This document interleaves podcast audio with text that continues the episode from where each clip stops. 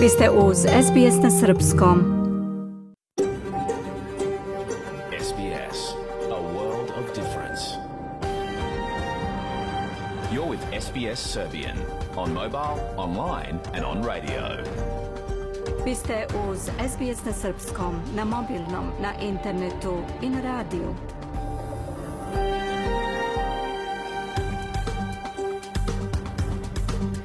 SPS odaje priznanje tradicionalnim vlasnicima zemlje za koje danas emitujemo program na srpskom jeziku. Ovim izražavamo poštovanje prema narodu Ranger i Vojvorang, pripadnicima nacije Kulin i njihovim prošlim i sadašnjim starešinama. Također odajemo priznanje tradicionalnim vlasnicima zemlje iz svih aboriđinskih naroda i naroda sa ostrva iz Toresovog Moreuza, sa čije zemlje slušate naš program. Dobar dan. Danas je četvrtak, 16. jun 2022. Ja sam Biljana Ristić. U današnjem programu posle pregleda vesti razgovaramo sa našom saradnicom iz oblasti politike, dr. Ninom Marković, koja će se osvrnuti na intenzivnu diplomatiju Australije u proteklih sedam dana. Danas razgovaramo sa pesnikinjom iz Adelaide Jelenom Dinić povodom njenog učešća na panelu povodom nedelje izbjeglica sljedeće sedmice, ali inače je Jelenina knjiga In the Room with the She-Wolf ušla je u uži izbor za ovogodišnju nagradu Mary Gilmore za prvu izdatu zbirku pesama. Iz oblasti nauke govorimo o revitalizaciji velikog koralnog grebena i to su neke od tema. Ostanite sa nama do 16 časova. Sledi pregled vesti.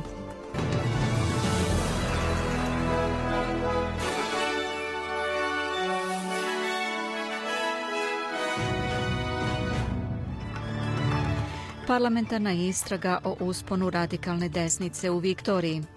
Ministri energetike svih država i teritorija danas će stići u Kamperu oči sastanka nacionalnog kabineta. Ministar inostranih poslova Turske boravi danas u poseti Srbiji.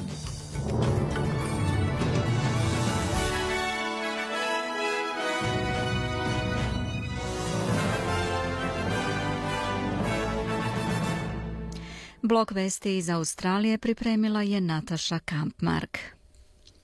Parlamentarna istraga o usponu radikalne desnice u Viktoriji istražuje kako pandemija i društveni mediji utiču na ekstremističke grupe i njihove metode regrutovanja. Savet jevrejske zajednice Viktorije saopštio je da se antisemitizam značajno povećao od 2020. godine, što je primoralo jevrejske grupe da angažuju više obezbeđenja. Operativni direktor Naomi Levin kaže da su značajni resursi morali biti raspoređeni da bi se zaštitili jevreji. Nesrazmerno velika količina resursa jevrejske zajednice i dalje se troši na obezbeđenje. Tu spadaju bezbednostne mere kao što su nadzorne kamere, obezbeđenje prostorija kao i spoljašnja zaštita jevrejskih objekata, kao što su sinagoge i jevrejske škole. Istraživači sa Univerziteta Svinburn izrazili su zabrinutost zbog mogućnosti da se stavovi krajnje desnice normalizuju. Dr. Belinda Bernet sa Univerziteta Svinburn rekla je tokom istrage da ekstremisti koriste društvene medije da bi pronašli publiku i da će se okrenuti alternativnim aplikacijama kada se poveća kontrola. So good work has been done by tech companies and also by legislators. Tehnološke kompanije i zakonodavci su odradili dobar posao, pa je ekstremistima sada teže da pronađu publiku. Mnogo ih je uklonjeno sa Facebooka, YouTubea i Twittera. Prvi nezavisni senator teritorije glavnog grada, David Pocock, kaže da ima veliku reformsku agendu – koja uključuje zalaganje za uluru, izjavu iz srca. Vlada Antonija Albanizija kaže da je odlučna da sprovede jednu od ključnih mera iz ove izjave koju su 2017. sačinile starešine prvih naroda, a to je da se glas autohtonih naroda u parlamentu zagarantuje ustavom. Gospodin Pokpok Pokok je za SBS News rekao da u potpunosti podržava predlog. To me the Uluru statement from the heart is just such a generous offer to all. Smatram da je Uluru izjava iz srca jedan velikodušan poziv svim Australijancima da krenu napred, da se pozabave našom prošlošću i da zajedno rade na izgradnji budućnosti. To je očigledno složeno pitanje i bit će potrebno mnogo rada kako bi se rešilo na pravi način koji bi doveo do povoljnog rezultata na referendumu. Divno je videti saveznu vladu koja je spremna da nakon pet godina ignorisanja prihvati ovaj velikodušni poziv. Kaže da će se zalagati za odlučnije delovanje na polju klimatskih promjena, uspostavu nacionalnog tela za praćenje korupcije, kao i to da stanovnici teritorije glavnog grada imaju ista prava koja su dostupna u drugim državama, kao na primjer asistirana eutanazija. Australija će u Ujedinjenim nacijama predstaviti ambicioznije klimatske ciljeve.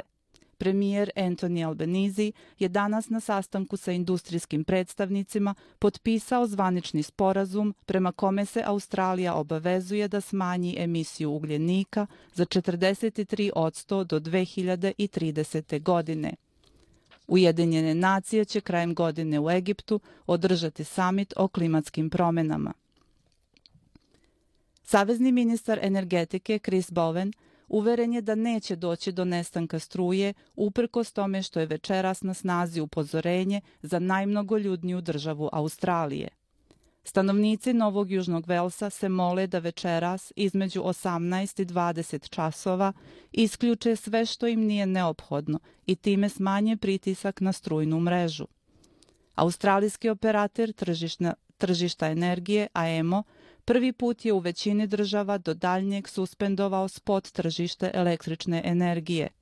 Taj korak omogućava AEM-u da preuzme kontrolu nad usmeravanjem napajanja od energetskih generatora do električne mreže istočne obale. Gospodin Boven kaže da će se preduzeti sve mere kako bi se izbegli nestanci struje. So far we have successfully avoided any blackouts and any load shedding. Do sada smo uspešno izbegli nestanke struje i kontrolisane prekide napajanja. Mreža Novog Južnog Velsa biće pod značajnim pritiskom večeras između 18 i 20 časova. Svi rade na tome da se večeras izbegnu kontrolisana isključenja.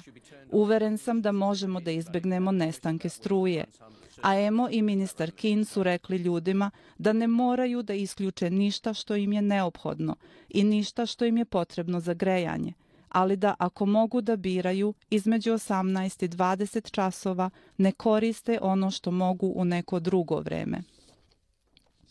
Ministri energetike svih država i teritorija danas stižu u Kamberu u oči sastanka nacionalnog kabineta planiranog za sutra – Statistički biro Australije danas je objavio podatke o radnoj snazi za mesec maj. Nacionalna stopa nezaposlenosti ostala je stabilna i iznosi 3,9 od 100. Ekonomisti su predviđali da će stopa biti između 3,8 i 4 procenata. Da je stopa pala bila bi najniža od 1974. godine kada je iznosila 3,8 od 100. Stopa učešća radne snage je porasla. Nezaposlenost među mladima je također ostala na stabilnih 8,8 procenata. Minimalna zarada biće povećana za 5,2 odsto, odlučila je komisija Fair Work. U ovogodišnjem U svom godišnjem izveštaju komisija je navela nagli rast troškova života i moguću inflaciju kao faktore koji su uticali na ovu odluku. Ovom odlukom se nacionalna minimalna zarada povećava sa 20,33 na 21,38 dolara po satu, što ukupno čini povećanje od 40 dolara nedeljno. Predsjednik Fair Work komisije Ian Ross kaže da je odluka doneta nakon pažljivog razmatranja. There has also been a sharp rise in the cost of living since last year's review. Od prošlogodišnjeg izveštaja došlo je do naglog povećanja troškova života. U vreme prošlogodišnje odluke indeks potrošačkih cena i osnovna stopa inflacije bili su 1,1 od 100. Uporedive brojke sada iznose 5,1% za indeks potrošačkih cena i 3,7% za osnovnu stopu inflacije. Australijska trgovinska i industrijska komora upozorava da bi potrošači mogli da plaćaju po višim cenama kao rezultat odluke komisije Fair Work da poveća minimalnu zaradu za 5,2 od 100. Iz komore tvrde da će porast zarada dodati 7,9 milijardi dolara na troškove pogođenih preduzeća u narednoj godini. Izvršni direktor te organizacije, Andrew McKellar, kaže da bi povećanje plata moglo dovesti do toga da potrošači plaćaju više zbog povećanja direktnih troškova ili da bi moglo izvršiti veći pritisak na inflaciju. That will be a very considerable burden that those businesses will either have to take To će značajno opteretiti svaki biznis, tako da će ili tako da će se ili odraziti na njihovu neto dobit ili će se preneti na njihove kupce. Ovo se dešava u vreme kada inflacija postaje jedan od najvećih izazova sa kojima se suočava australijska ekonomija. Ako hoćemo da preduzmemo nešto u vezi s tim, ako hoćemo da ostanemo konkurentni, jasno je da ova odluka nije od pomoći. Hvala Nataša. Slušate SBS na srpskom. Nastavljamo pregledom vesti iz sveta i regiona Balkana. Globalni mir pao je na najniži nivo u posljednjih 14 godina pod pritiskom napada Rusije na Ukrajinu i porasta cena hrane i energenata, pokazuje najnovije istraživanje Globalni indeks mirna 2022. Globalni indeks mira prati stanje u 163 zemlje koje čine 99,7% svetske populacije i od 2008. godine na osnovu prikupljenih podataka analizira stepen nasilja ili straha od nasilja u svetu. Iako su za najnoviji godišnji izveštaj objavljen 15. juna korišćeni podaci prikupljeni do kraja marta, oni već pokazuju veliki uticaj ruskog napada na Ukrajinu na osjećaj bezbednosti ljudi, posebno u kombinaciji sa drugim rizicima.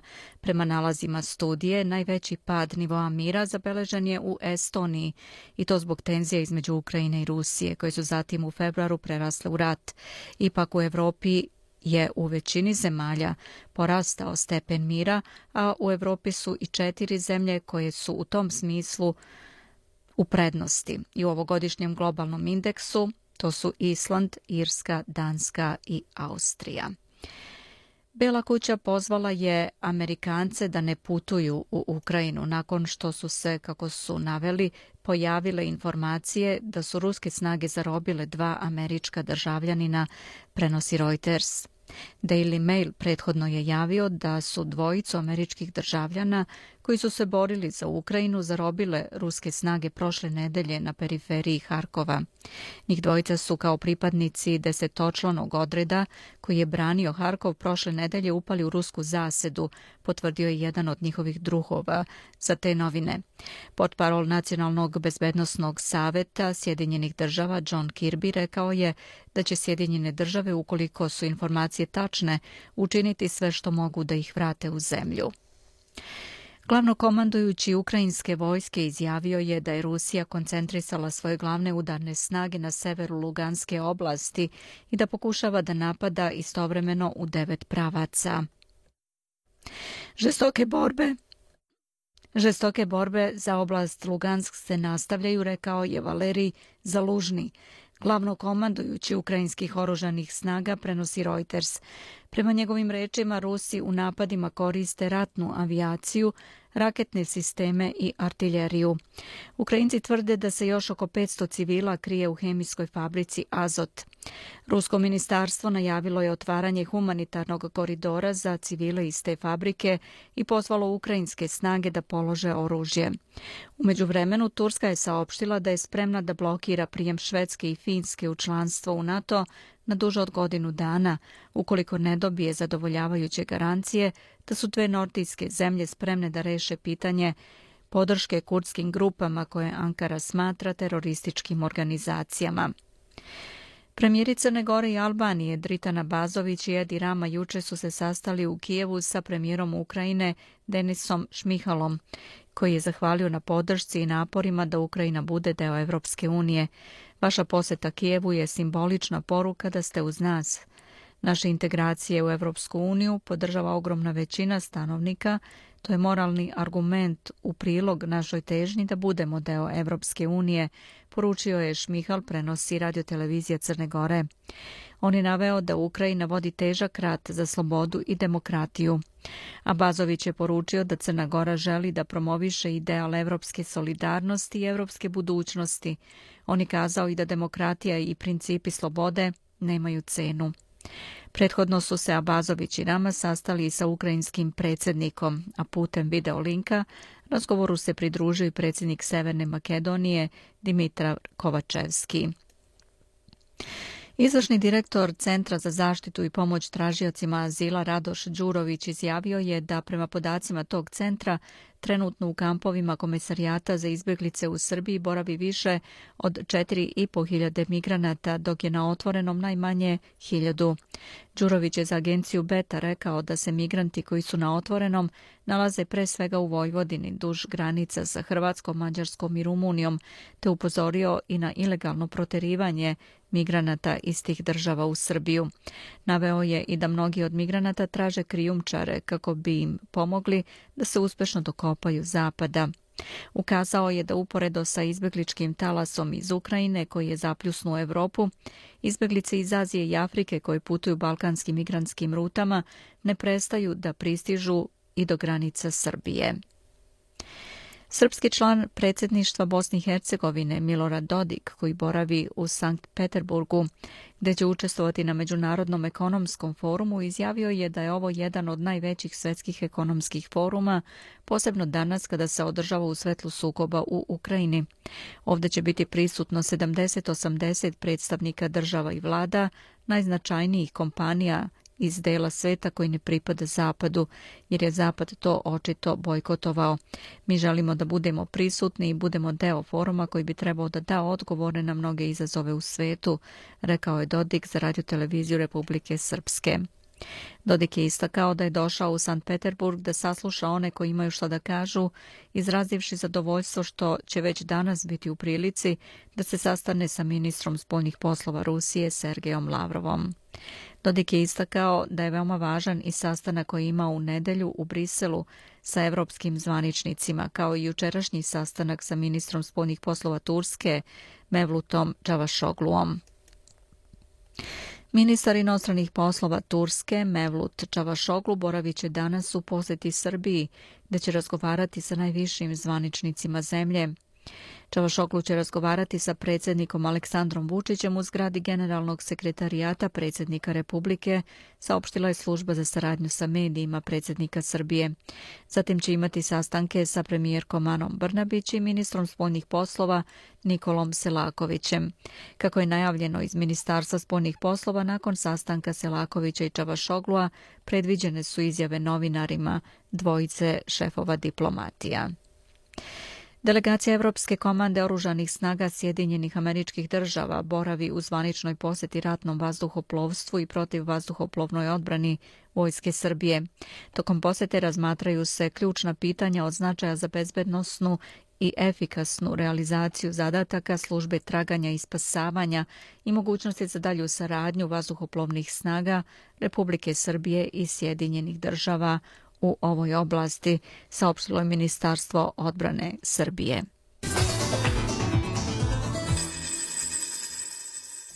Da pogledamo i kolika je vrednost australijskog dolara danas. Prema američkom vredi 70 centi, 67 eurocenti, 58 britanskih penija i 78 srpskih dinara, 77 para.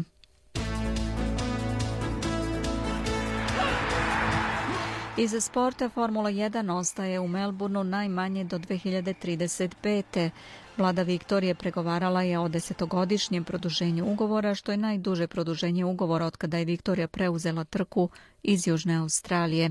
Vlada se poziva na nedavnu procenu ekonomskog uticaja kompanije Ernst Young, koja procenjuje da je ovogodišnji Grand Prix održan u martu generisao 92 miliona dolara direktne potrošnje u ekonomiji povećao bruto državni proizvod Viktorije za 171 milion dolara. Napadač Sokerusa Avermabil kaže da osjeća da je konačno mogao da vrati dug svoje u svojoj domovini dajući doprinos da se kvalifikuje za svetsko prvenstvo u futbalu. Mabil je postigao posljednji pobednički penal za Australiju tokom utakmice sa Peruom. Poreklom iz Južnog Sudana Mabil je kao dete živeo u izbjegličkom kampu sa svojom porodicom u Keniji sve dok nisu došli u Australiju 2006.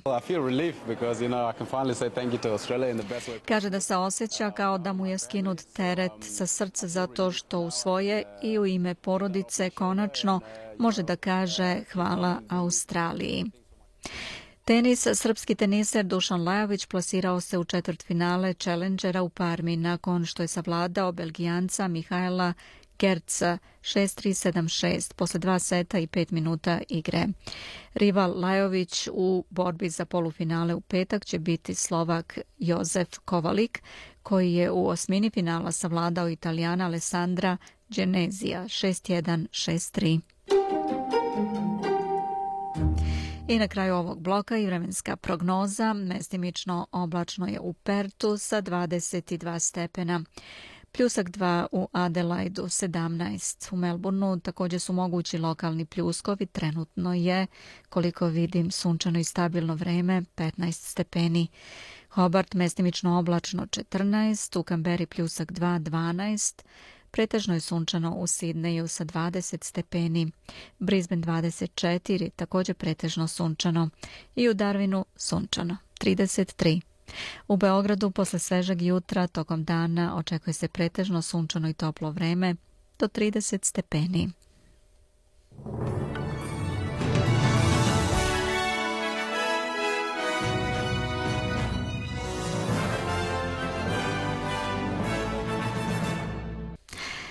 SBS na srpskom, ostanite sa nama, 15 časova 24 minuta je na našem časovniku. U nastavku osvanut ćemo se na intenziviranu diplomatiju Australije u prethodnih nekoliko dana.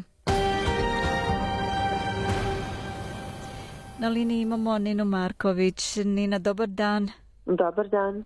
Pa da krenemo od Sangrila dijaloga u Singapuru, da sumiramo najvažnije sa tog samita za Australiju. Što je proisteklo? Najvažnija vest naravno je bio sastanak između australijskog ministra odbrane Richarda Malsa i njegovog kolege generala Venga Fenhea. Oni su se znači posle tri godine uspostavili su znači na visokom diplomatskom i u ovom slučaju eh, vojnom nivou eh, prvi kontakt njihova, njihovo zajedničko rukovanje smatra se da će biti eh, podstrek za novo poglavlje u njihovim odnosima. Znači to je dalo nadu za poboljšanje odnosa koji su pod vladama koalicije dospeli na najniži mogući nivo. Shangri-La dialog je imao 28 glavna govornika, među kojima je i bio i general e, Kine Weng Fenhe. Od tih 28 samo petoro je, su bile žene. Shangri-La dijalog se održava svake godine u Singapuru i smatra se jednim od najvažnijih na svetu. To je znači multilateralan forum e, gde se zemlje mogu sastati i na marginama kao što se u ovom slučaju desilo između Australije i između Kine. Međutim, smatra se da je to nedovoljno da se zaista poboljšaju u suštini ovi odnosi. To je znači samo prvi kontakt, ali i dalje se nastavlja takozvana borba za prevlast između Australije i Kine u pacifičkom regionu. Ministarka spoljnih poslova trenutno razmatra da ode na Solomonova ostrva kao svoju sledeću stanicu. Penny Wong je rekla da se rastući uticaj Kine mora susresti sa većim ulaganjem Australije u ovom regionu. Vidjet ćemo šta će od toga biti. Mm. Također, intenzivni su diplomatski odnosi bili prethodnih dana. Premijerka Novog Zelanda posjetila je Australiju. Možda ne bi bilo loše da kažemo, da sumiramo i te sastanke. Jacinta Ardern, premijerka Novog Zelanda, bila je prvi lider u poseti zvaničnoj Australiji pod e, novim premijerom Antonijom Albanezijom. Oni su se ovdje susreli 10. juna Naveli su kako Australija i Novi Zeland imaju bliske porodične veze, oboje, ob, obe zemlje su pacifičke nacije i njima prete global, globalne pretnje poput e, klimatskih promjena, ekonomske sigurnosti i energetske nesigurnosti usled rata u Ukrajini. Tada je prvi put Antoni Albanese najavio da će u, znači, u svojom zvaničnom eh, u svojoj izjavi za štampu 10. juna rekao da će Australija zvanično smanjiti štetne gasove za 43% do 2030. godine. A danas, eto, znači 16. juna, šest dana kasnije, australijska vlada je formalno predala u Jedinim nacijama eh, svoje zalaganje da se do 2030. godine smanje štetne gas, emisije štetnih gasova do, za 43%. Mnoge kompanije su reagovale već e, na tržištu zbog ovoga. Smatra se da Australija treba mnogo više da uloži u obnovljive izvore energije. Upravo u ovim trenucima to vidimo kada su velike nestašice energenata u Australiji. Ministar za energetiku Chris Bowen kaže da ugalj nije rešenje i da se mora više ulagati u obnovljive izvore energije. A danas je najveći uh, australijska kompanija BHB biletom u ovom domenu rekla da će zatvoriti upravo najveći australijski rudnik uglja do 2030. godine zato što nije našla kupca. Taj rudnik se nalazi na takozvanoj planini Mount Arthur u Hunter Valleyu. On će imati dozvolu za operaciju do 2026. godine koje će se produžiti do 2030. ali to će nje, biti njegov kraj. Tako da mm. se auto, automatski znači i biznis je počeo da reaguje na izjave Antonija Albanezea. A umeđu vremenu on smatra da je produktivnost glavna e, svrha njegove vlade. Iako je nezaposlenost na niskom nivou 3,9%, on se večera sastaje sa svim šefovima država i teritorija i u, sutra će imati glavni sastanak zvanično sa njima. Dan Andrews e, će tražiti kao svoj prioritet da se uvede četvrta doza za zdravstvene radnike vakcine dok premijer Novog Južnog Velsa Dominik Perotet kaže da on želi e, da se brže procesuiraju, procesuiraju vize, da se dovede više stranih radnika u Australiju. Znači svi oni dolaze sa svojom listom želja, ali vidjet ćemo sutra šta će proisteći svega toga. Mm.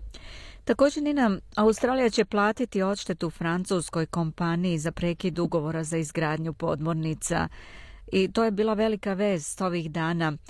Međutim, da li će to poboljšati odnose između dve zemlje?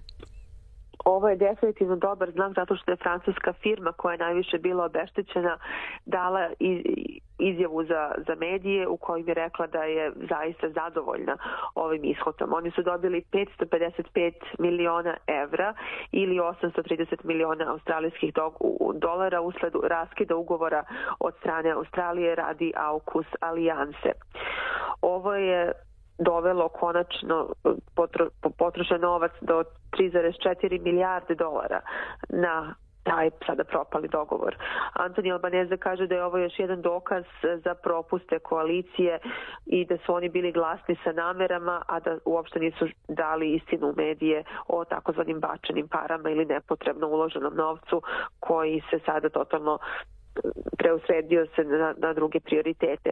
On također želi da se lično susretne sa predsjednikom Francuske Emmanuelom Macronom da bi resetovali odnose. To je on izjavio. Znači, trenutno je australijska diplomatija sa njim na čelu e, kao premijerom Australije u jednoj fazi resetovanja odnosa e, sa najbližim znači, saradnicima u regionu, ali i sa evropskim saradnicima. Mm. Nina, toliko za danas. Hvala mnogo na vremenu koje si odvojila da popričamo. Hvala, prijetno. To je bila naša saradnica, stalna saradnica iz oblasti politike, dr. Nina Marković. Slušate SBS na srpskom. Ostanite sa nama. Ja sam Biljana Ristić.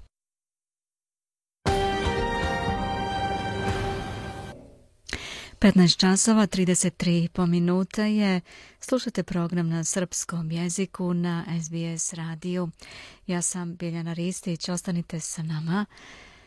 U nastavku govorimo o revitalizaciji velikog koralnog grebena kojem preti sa veća opasnost. Ugrožavaju ga klimatske promene, masovno izbeljivanje, cikloni i oticanje atmosferskih voda kao i prirodni neprijatelji poput bodljikave morske zvezde koja se hrani koralima. Novi zajednički projekat očuvanja koristi novi pristup koji objedinjava zapadnu nauku sa znanjem tradicionalnih vlasnika zemlje, piše Hana Kwong za SBS News. Taj prilog pripremila je Nataša Kampmark. Da čujemo. Veliki koralni greben je najveći koralni ekosistem na svetu, a sačinjava ga više od 5000 morskih vrsta. Veliki koralni greben svojim domom smatra i preko 70 različitih grupa tradicionalnih vlasnika zemlje, čija povezanost s tim područjem i njegovom okolinom seže 60.000 godina u prošlost. Međutim, veliki koralni greben se nalazi u opasnosti. Usled klimatskih promjena, masovno izbeljivanje znatno je oštetilo greben, a posljednji put se desilo u martu ove godine. The Great Barrier Reef has a, a number of threats, you know, mass bleaching through climate change. Velikom koralnom grebenu preti um, nekoliko stvari. Najviše se priča o masovnom izbeljivanju i zagrevanju okeana usled klimatskih promjena i oni najviše zabrinjavaju nas naučnike, kao i sve one koji žive duž velikog koralnog grebena. Ali osim masovnog izbeljivanja i odumiranja korala, imamo i druge poremećaje koji utiču na zdravlje koralnog sistema. Dr. Katie Chartrand je viši istraživač na Univerzitetu James Cook i ona kaže da veliki problem predstavljaju i cikloni i bodljikave morske zvezde. Morske zvezde se hrane koralnim polipima. Greben je njihovo prirodno stanište i obično se tu nalaze u održivom broju.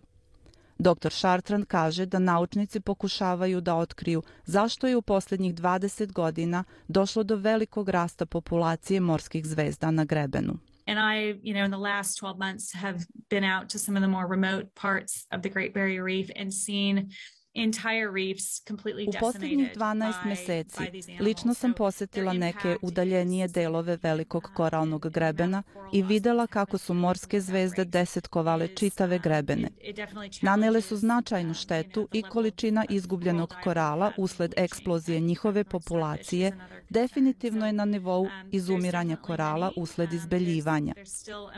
Mislim da su bodljikave morske zvezde ozbiljan problem. Ima ih mnogo.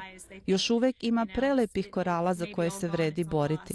Svako ko dođe ovde uvek se iznenadi. Ljudi misle da su korali možda nestali, da su možda već izgubljeni, ali još uvek ima puno neverovatnih grebena za koje se vredi boriti i koje vredi sačuvati. Za Svetski dan okeana u borbi za očuvanje grebena, udruženje Građani velikog koralnog grebena Citizens of the Great Barrier Reef pokrenulo je novi projekat pod nazivom Zadruga za greben Reef Cooperative. Program očuvanja uključuje trogodišnju obavezu finansiranja u iznosu od 2 miliona dolara u partnerstvu sa lancem prodavnica odeće Cotton On Group. Andy Ridley je glavni izvršni direktor organizacije Građani Velikog koralnog grebena. The, the cooperative, the Reef Cooperative is um, Zadruga za greben okuplja čitav niz različitih tehnika očuvanja i to s ciljem da se one primene na što veću površinu grebena u godinama koje dolaze. Radi se o jedinstvenoj saradnji pet različitih organizacija – Rangeri iz naroda Jirkanđi, čija teritorija obuhvata more severno od Kernsa, Univerzitet James Cook, kompanija Mars održive solucije, zatim tim morskih biologa GBR Biology, kao i građani velikog koralnog grebena. Tokom tri godine, pomoću tehnologije restauracije, na greben će se postaviti 200 Marsovih zvezda, koje će obezbediti stabilnu osnovu za rast fragmenata korala na oštećenim delovima grebena. Naučnici sa Univerziteta James Cook će obezbediti 30 miliona larvi korala tokom perioda razmnožavanja velikog koralnog grebena i tako pod pomoći rast i oporavak korala. Prvo će se fokusirati na područje grebena Hastings, koje je izabrano zbog štete koju su mu naneli cikloni i prošla izbeljivanja. To područje ima i kulturni značaj. Gavin Singleton je jedan od Jirkanji Rangera. I mean, the Great Barrier Reef is really important um, to all owners across the Great Barrier Reef coast and uh, Veliki koralni greben važan je svim tradicionalnim vlasnicima zemlje uz obalu kojom se prostire. On je deo našeg identiteta. Ponekad je veoma teško izdvojiti jedan greben iz šireg sistema, ali nekad to moramo da učinimo a u posljednje vreme greben Hastings je pretrpeo udare ciklona i drugih stvari koje se dešavaju. On kaže da će partnerstva pomoći da se obnove područja grebena kojima je potrebno najviše pažnje. I think this is what, what's important about bringing in, um, you know, uh, Mislim da je važno što su se udružile zapadna nauka i tradicionalno znanje, različiti sistemi znanja, odnosno perspektiva, kako bi zajednički radili na rešavanju problema van naše kontrole i klimatskih problema u našoj životnoj sredini. Važno je da sada i ovde započnemo s radom i da radimo zajedno. Dok su neke oblasti velikog koralnog grebena ostale netaknute, druge su ozbiljno oštećene. Dr. Katie Chartrand sa Univerziteta James Cook kaže da iako počinju od velikog koralnog grebena ovde u Australiji, nadaju se da će zajednice širom sveta uložiti sličan napor na drugim grebenima. We want to ensure that people see that this is something worth fighting for and as a way to engage everyone around reef health and condition. Želimo da ljudi shvate da je ovo nešto za što se vredi boriti, kao i način da angažujemo sve oko zdravlja i stanja grebena i da ih edukujemo o iznijansiranoj prirodi grebena. Nije sve mrtvo, nije sve savršeno. Pred nama su veliki izazovi, ali mislim da zaista moramo da razmišljamo van ustaljenih okvira, jer je to jedini način da vidimo greben i u budućnosti. Nataša Kampmark pripremila je prilog koji smo čuli. Ostanite sa nama, sledi intervju sa pesnikinjom iz Južne Australije Jelenom Dinić. Slušajte SBS na srpskom, na mobilnom, na internetu i na radiju. Premijerski centar, Univerzitet Južne Australije i Australijsko udruženje za izbeglice povodom nedelje izbeglica održat će panel pod nazivom Moja priča na moj način. Jedan od četiri govornika će biti i Jelena Dinić, pesnikinja iz Adelajda, čija knjiga In the Room with the She Wolf je inače ušla u uži izbor za nagradu Mary Gilmore. SBS na srpskom. Podelimo priče na Facebook stranici. Na liniji imamo Jelenu Dinić. Jelena, dobar dan. Dobar dan, Biljana. Nismo Hvala se, na pozivu. nismo se dugo čule i baš mi je drago da mogu da te pozdravim, posebno što je prilika vrlo lepa. Ti učestvuješ na jednom vrlo interesantnom panelu, odnosno učestvovaćeš a, sledeće sedmice, ako se ne varam, je li tako? Preci nam malo više o čemu se radi. A, Hvala, Biljana. U pitanju je razgovor sa troje umetnika koji e, koriste svoju kreativnost i svoj talent kako bi se povezali sa svetom u kome žive, naravno. Um, I ja sam pozvana kao pesnik na osnovu objavljene knjige pesama. Knjiga je izašla prošle godine, znači um, zbirka je konačno objavljena. Zove se In the Room with the She Wolves. Uh, mislim smo o tome razgovarali ranije. I o- ovaj panel se dešava na fakultetu Južne Australije. Tamo su često organizovani um, razgovori sa izazovnim i interesantnim temama. Ovog puta je to povodom e, Međunarodne nedelje izbeglica. Znači obeležavamo tu nedelju od 19. do 25. juna i tema razgovora je My Story, My Way. Mhm. I kako mi koji se bavimo nekom vrstom kreativnog rada prenosimo tu neku svoju priču kroz svoje delo e, drugima. I kako koristimo recimo ja pisanje ili neko drugo slikarstvo kao sredstvo izražavanja. Mhm.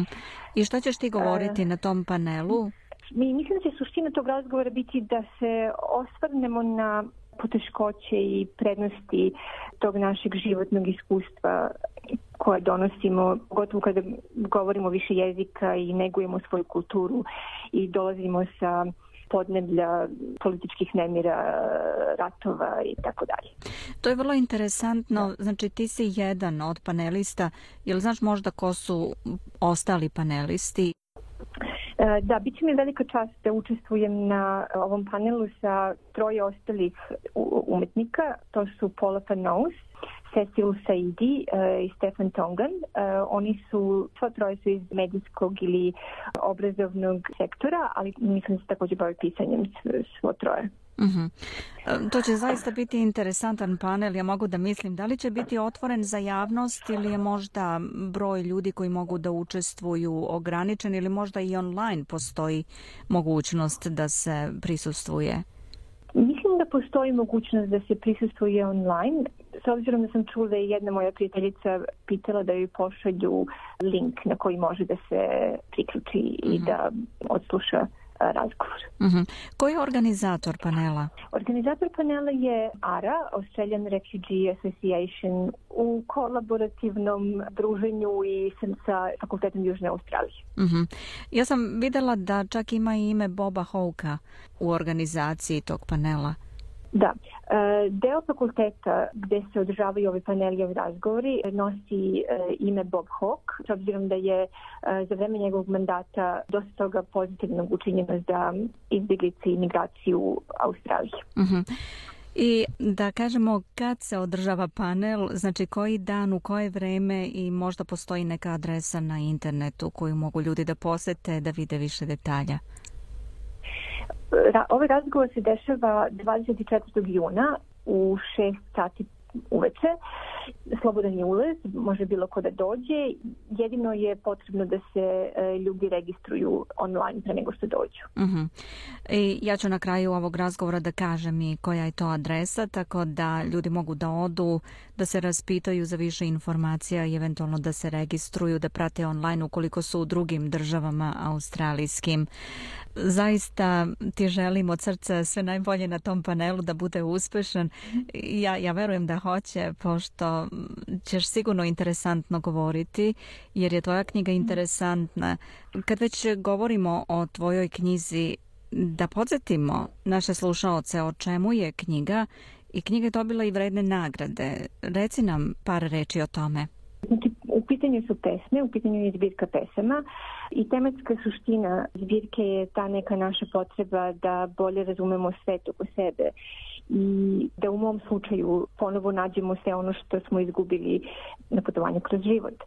A knjiga je 2020. godine nagrađena za neobjavljenu zbirku na festivalu u Adelaidu, e, literarnom festivalu u Adelaidu i kao deo te nagrade e, dobila sam ugovor sa izdavačkom kućom Wakefield Press i Wakefield Press je objavila tu knjigu e, znači oktobra prošle godine, a e, dobra vest je da je knjiga trenutno ušla u uži izbor za Mary Gilmore Wood kao za najbolju prvu zbirku pesama objavljenu prošle godine.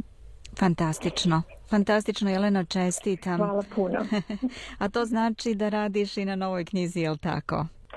A, da, uh, uvek radim na nekoj novoj knjizi. Mislim da je pisanje sastavni deo mog života i tako da može biti nešto novo uskoro. Divno, a mi ćemo sigurno imati ekskluzivnu informaciju ako se to desi, je li tako? Da, da, naravno, hoćete. A Jelena, samo još da te pitam, čime je knjiga tvoja inspirisana? E, moje pisanje pesama, znači inspiracija je e, svuda oko nas. Moje pisanje pesama je, e, iako pišem na engleski jezik, pod velikim uticajem je naše literature i našeg e, toka misli, naše kulture. Ali su e, također veliki uticaj na mene imali e, moji mentori, uspješni tehnici u Australiji koji su, koji su mi otvorili vrata i podržali me u tom svom radu, što je jako važno. Jer želiti, e, moja želja da budem pesnik je sanjar, e, iako sam teško radila, e, ponekad nije dovoljno. Potrebno je da neko sa druge strane to prepozna i čuje i podrži. Jelena, hvala mnogo na vremenu koje si odvojila da danas porazgovaramo. Ja ti zaista želim svaki uspeh na ovom panelu i hvala ti. Mhm. Hvala puno, Biljana. Moja sagovornica bila je pesnikinja iz Južne Australije, Jelena Dinić. Ona će učestovati, kao što smo čuli, na interesantnom panelu koji se zove My Story, My Way. I ako želite da saznate više informacija možete otići na website Univerziteta Južnog Velsa koji je znači www.unisa.edu.au Vi slušate program na srpskom. Ja sam Biljana Ristić. Ostanite sa nama. 15 časova 51 minut je. Slušate program na srpskom i dalje ostajemo u oblasti kulture.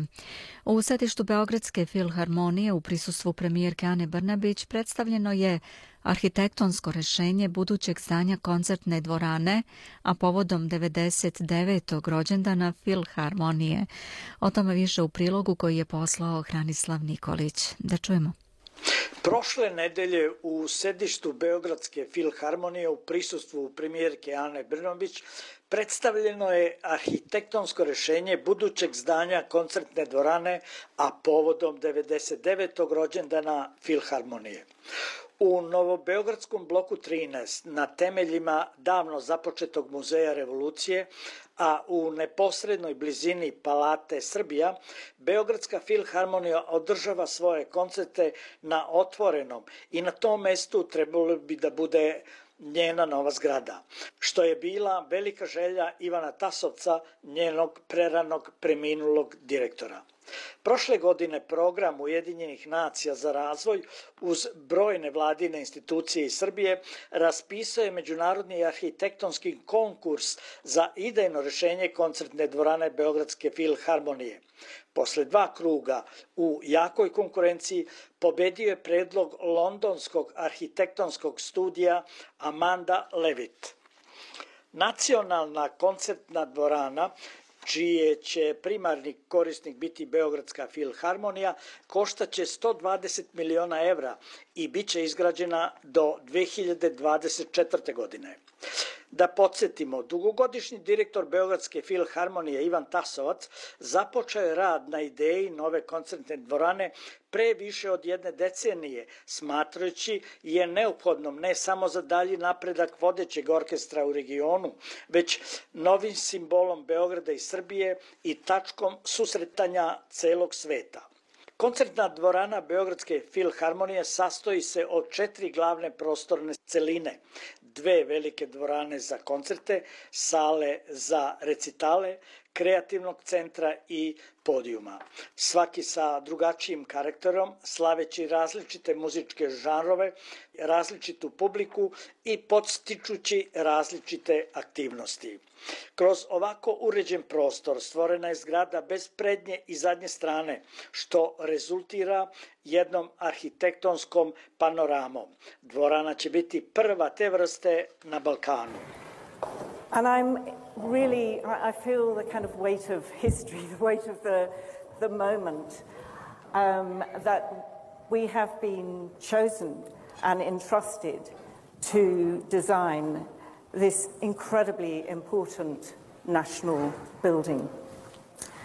And I think for me, this image, more than any other, kind of captures the Britanska arhitektica Amanda Levitt je sa svojim timom boravila u Beogradu i prisustvovala prezentaciji nove dvorane. Prema njenim rečima, blago zakrivljeni krov dvorane Prostiraće se između nekoliko koncertnih prostora od koji će koncertna dvorana imati 1600 mesta za posetioce, a 400 dvorana za recitale koje će biti izgrađena od belog srpskog mervera. Premijerka Ana Brnabić je kazala da je nova koncertna dvorana najlepši način da Srbija i Beograd pokažu zahvalnost Beogradskoj filharmoniji koja je to svojim radom i uspesima, kako je kazala, mnogostruko zaslužila. Zatim je nastavila. Najlepši način i najbolji mogući način da pokažemo tu zahvalnost kao zemlja i da pokažemo koliko značite i ovom gradu i ovoj zemlji je da vam konačno damo vaš dom, koncertnu dvoranu Beogradske filharmonije. Dom koji ste svojim radom i uspesima mnogostruko i odavno zaslužili. I zato sam posebno srećna danas što možemo da vidimo kako će taj dom izgledati. Hvala vama, Amanda, što ste učestvovali na konkursu koji smo raspisali sa našim kolegama iz UNDP-a i što ste sada u potpunosti uz nas i zaista mislim da svaki član našeg tima ovde to osjeća. I hvala vam što ćete dati sve od sebe da što pre krenemo da gradimo ovo zdanje za koje sam potpuno sigurna da će biti novi simbol našeg grada. Nama je želja da sledeće 2023. godine, kada budemo obeležavali 100 godina Beogradske filharmonije, krenemo u izgradnju vaše koncertne dvorane. Iz Beograda za SBS radio Hranislav Nikolić.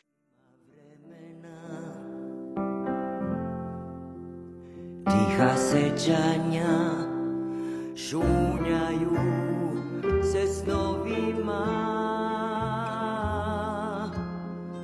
dok more šapučenje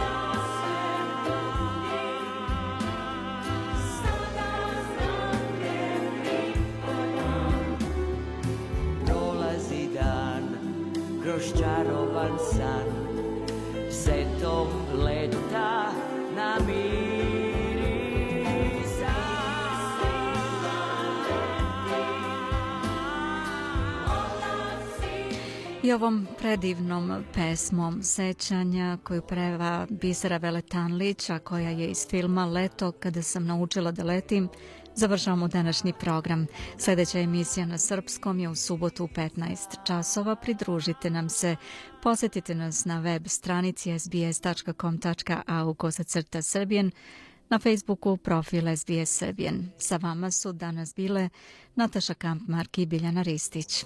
Dojđenja i do slušanja. Odlazim bez pozdrava. Nemam odgovor Al poznajem sva pitanja. Neko ima plan. Svaki je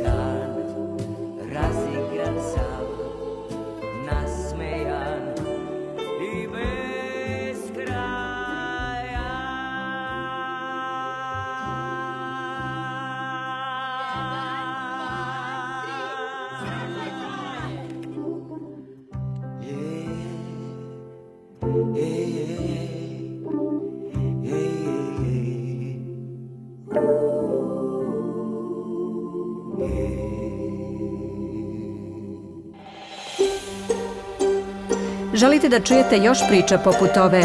Slušajte nas na Apple Podcast, Google Podcast, Spotify ili odakle god slušate podcast.